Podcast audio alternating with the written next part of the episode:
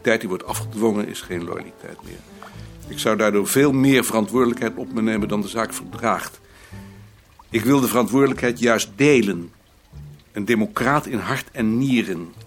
Maar het geeft wel een andere kijk op de democratie. Bart is juist omgekeerd. Hij gelooft wel in het werk, maar in het werk zoals hij dat ziet. Niet in een opgelegde taak die alleen met groepssolidariteit het hoofd geboden kan worden. Hij verzet zich dan ook niet tegen alle werkzaamheden, maar tegen vele. En mijn argument dat ik ze niet kan afwijzen, spreekt hem alleen aan als hij het werk belangrijk vindt binnen het kleine kadertje dat hij voor zichzelf, alleen voor zichzelf, maar hij is ervan overtuigd dat dat voor de gemeenschap is, heeft uitgetekend. Dat geeft aan zijn rebellie, of liever aan zijn gekuip, enige consequentie. Kan ik dat werk werkelijk niet afwijzen? Ik beroep me op de eisen die door de commissie worden gesteld. Ik maak ze tegelijk belachelijk, want ik heb een geweldige minachting voor de commissie. Wat mijn beroep niet overtuigender maakt. Maar ik voldoe er wel aan en in veel hoger mate dan de dames en heren zelfs in hun stoutste dromen verwachten. Waarom in godsnaam? Waarom loop ik niet gewoon de kantjes eraf? Welke drift drijft mij ertoe om tegenover hun vermeende macht een perfect geoliede organisatie op te bouwen en zoveel taken te aanvaarden of aan te trekken dat de planken onder de last kraken, terwijl ik weet dat ze in feite machteloos zijn. Ik geloof dat aan mijn weerzin tegen het werk niet getwijfeld kan worden. Maar als de organisatie geluidloos draait, heb ik plezier. En ik raak uit mijn evenwicht als iemand zoals Bart nu een spaak in het wiel steekt, nog afgezien van de verwerpelijkheid van zijn gedrag. Ik kan alleen maar concluderen dat ik leef van de paniek. Me gelukkig voel bij het verzet tegen een overweldigende macht, een leider van een kleine minderheid en als die macht niet bestaat, dan maak ik haar. Ik kan me natuurlijk verdedigen met het argument dat me weinig anders te doen staat. Ik moet in mijn onderhoud voorzien. Het vak dat mij geleerd is, geeft me weinig ruimte voor zinvol bezig zijn. Ik zou iets totaal anders moeten opzetten om wel zinvol bezig te zijn. Maar de vraag is of ik dat zou kunnen. Of liever, het is duidelijk dat ik dat niet kan, want dan zou ik het wel gedaan hebben. Het enige wat ik gedaan heb, is de mogelijkheden om iets anders te doen, stuk voor stuk af te kappen. Tot en met de verhuizing naar dit huis. Een verhuizing die ik nog vaak betreur, maar die wel consequent was gezien vanuit mijn mogelijkheden. Die mogelijkheden komen in het kort neer op verzet binnen een systeem met een kleine groep die dat verzet draaglijk maakt, er de individualiteit aan ontneemt en er wat men loyaal verzet noemt van maakt. Het verzet dus dat onze beschaving, waartegen ik me verzet, weer een stap verder brengt in een richting die ik al even min wil. Een situatie dus die is opgebouwd uit tegenstrijdigheden en waarin ik uiteraard op weinig loyaliteit kan rekenen. Want waar vind je mensen die deel willen nemen aan een verzet dat zo bij uitstek gericht is op het verdoezelen van mijn menselijke tekortkomingen? Het is geen kunst om na het voorafgaande ook die tekortkomingen samen te vatten. Angst voor contacten, wat weer voortkomt uit een gebrek aan moed bij persoonlijke confrontaties. Een overdreven behoefte aan bescherming en een te grote afhankelijkheid van het oordeel van anderen. In het bijzonder van degene tegen wie ik me verzet. Als je dat nog eens overleest, vraag je je af wat er eigenlijk nog overblijft. Meer dan mensen als Bart voor mogelijk houden. Maar daarover een andere keer.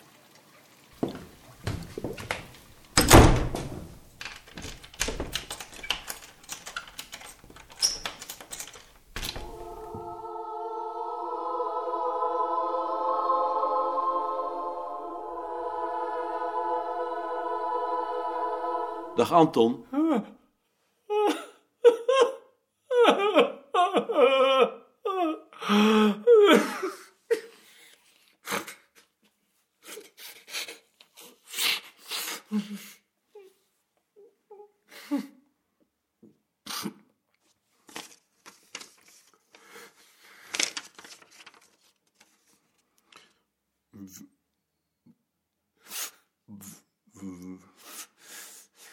Woon. W. O. N.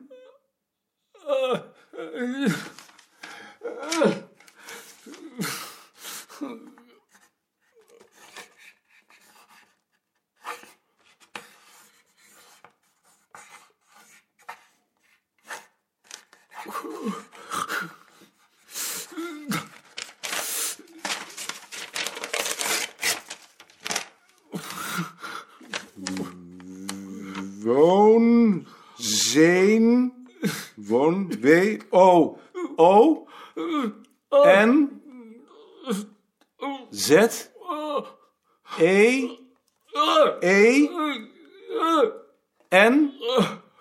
Ik begrijp het niet. Je wilt iets zeggen, maar ik begrijp het niet.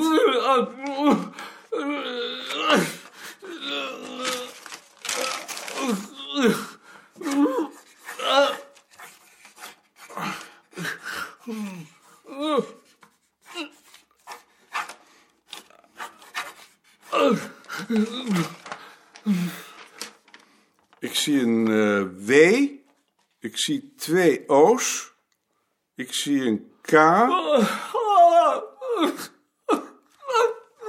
Probeer het nog eens, misschien dat ik er dan uitkom.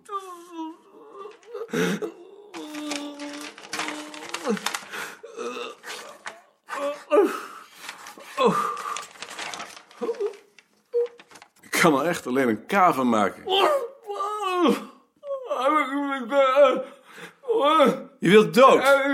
Je wilt dood. Je wilt naar de hemel.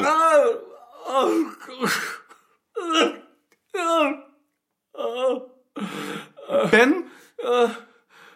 Nee, je hebt een potlood. Stom. We hebben nou een W en twee O's. Daarna komt een K, maar dat is geen K. Dat is geen K. Dat is iets anders. Ehm, nou, daar moeten we achter komen. Als we nou eens gewoon de letters van het alfabet doornemen.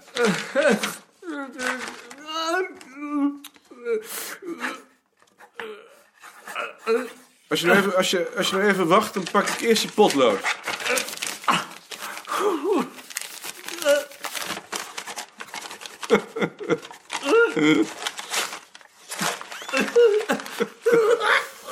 Nou, we, we beginnen gewoon van vooraf aan. Waar is, dat, waar is dat eerste papier? We hebben nou dus een W en twee O's. En daarna komt een K, maar dat is geen K. Is het een A? Nee, het is natuurlijk een medeklinker. Je had inderdaad wel een intelligentere hoofdambtenaar kunnen aanschaffen. Wol, wom, won, wop, woe, eh, woe, eh, woorden. En dan z- zee, ze, zeggen. Woorden zeggen. Woorden zeggen. Maar wat doen we daarmee?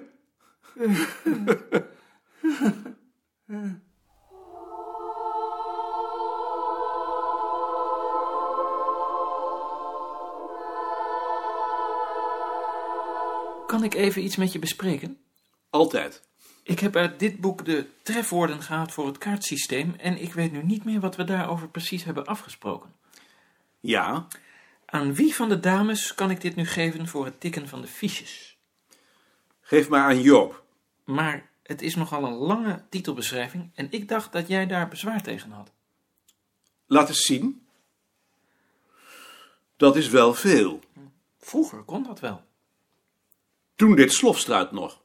Het enige wat Slofstra kon, was iets overtikken, dus toen was het geen bezwaar. Maar overtikken is nu juist wat het enige wat deze meisjes niet kunnen. Niet goed in ieder geval. Maar daar zijn ze toch juist voor aangesteld? Ik vind dus dat ze daarvoor niet zijn aangesteld. Ze zijn aangesteld voor de dingen die ze kunnen. Overtikken blijken ze niet zo goed te kunnen. Joop zeker niet. Die maakt in elk derde woord een fout. Dat zou betekenen dat ze niet geschikt is voor haar werk. Niet voor dit werk in ieder geval. Dus ik kan haar niet vragen om deze kop te gebruiken? Om hoeveel fiches gaat het? 10, 20? O- o- o- ongeveer. 4, 6, 8, 10, 12. 20,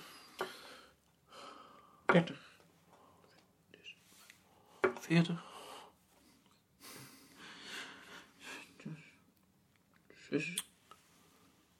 80, 90, 100, 20, 140, 152. Dat betekent dat Job 152 maal een kop van vier regels moet tikken. Dat lijkt me wel om gek te worden. Ik doe ook wel eens dingen waar ik gek van word.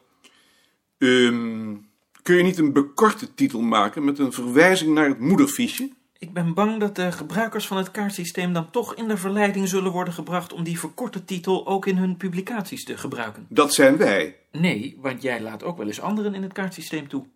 En als je die verkorting nu zo maakt dat ze niet gebruikt kan worden zonder het moederfiche? Ik zal eens kijken, maar ik vind het in principe onjuist. Dat weet ik, maar het lukt je vast wel. Je hebt wel voor hetere vuren gestaan.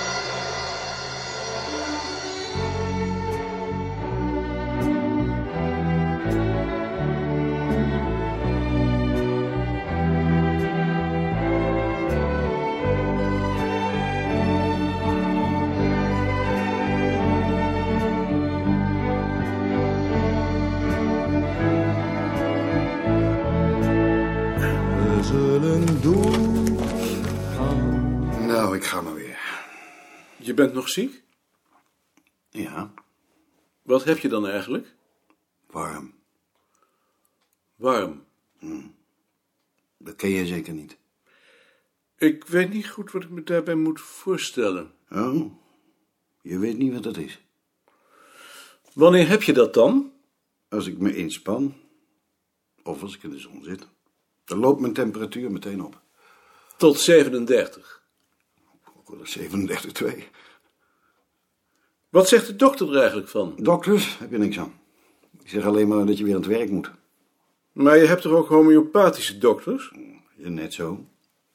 Trouwens, Heidi heeft het ook, dus wij denken dat het aan het huis ligt. Maar hij die heeft toch geen baan? Hij hoeft er geen baan voor te hebben om ziek te zijn. Is Nicolien dan nooit ziek soms? Nee. Ik kan me niet herinneren dat Nicolien wel eens ziek geweest is. Behalve toen ze geopereerd werd natuurlijk. Maar dat lijkt me niet normaal. ik kan beter kanker hebben, heb ik tenminste zekerheid. Dat je doodgaat, ja. Ja, is ook niks in elk geval. Toen kijk dan maar.